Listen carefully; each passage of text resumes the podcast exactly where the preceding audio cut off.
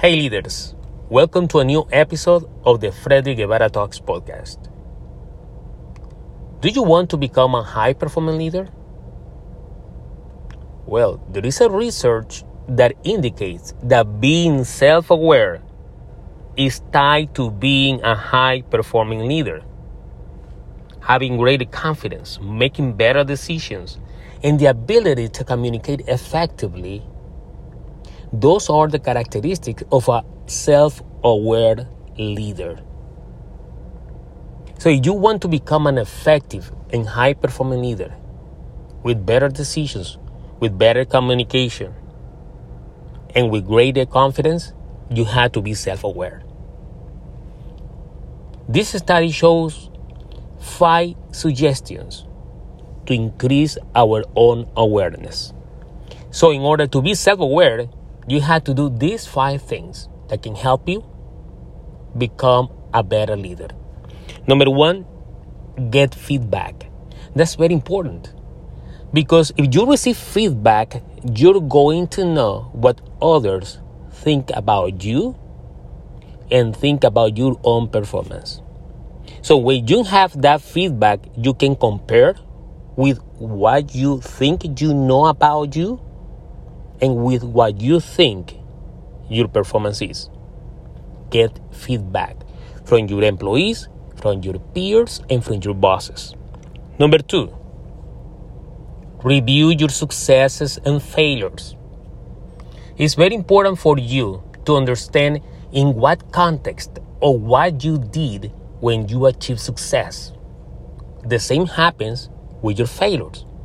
In what context or what you did or what you didn't do for that failure happens.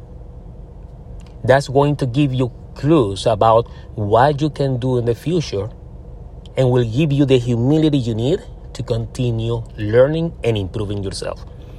That brings us to the third point strive for continuous improvement. An effective and high performing leader never ends learning. You have to learn continuously. Daily, you have to increase at least 1%. 1% every day.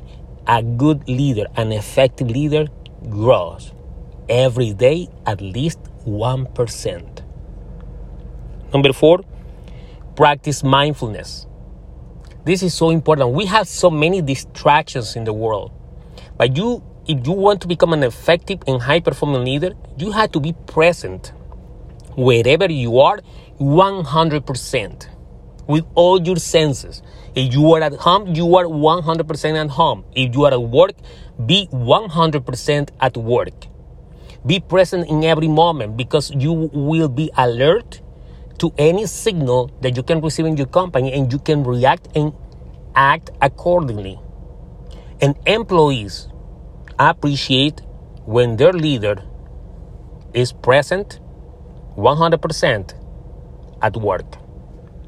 And number five, take an assessment. There are so many assessments in the market. For example, I promote the Maxwell DISC assessment because this assessment will help you to know yourself, to know others, the Maxwell DISC assessment will help you understand what your key points in leadership and influence are, and it will help you to improve your communication with others. What is more, this Maxwell DISC assessment will help you understand what work environments are a better fit for you. If you want to take this Maxwell DISC assessment, please comment to this podcast, DM to any platform in my social media, and I will get to you soon as soon as possible. I hope this episode can help you to be more self aware and become a high performing leader.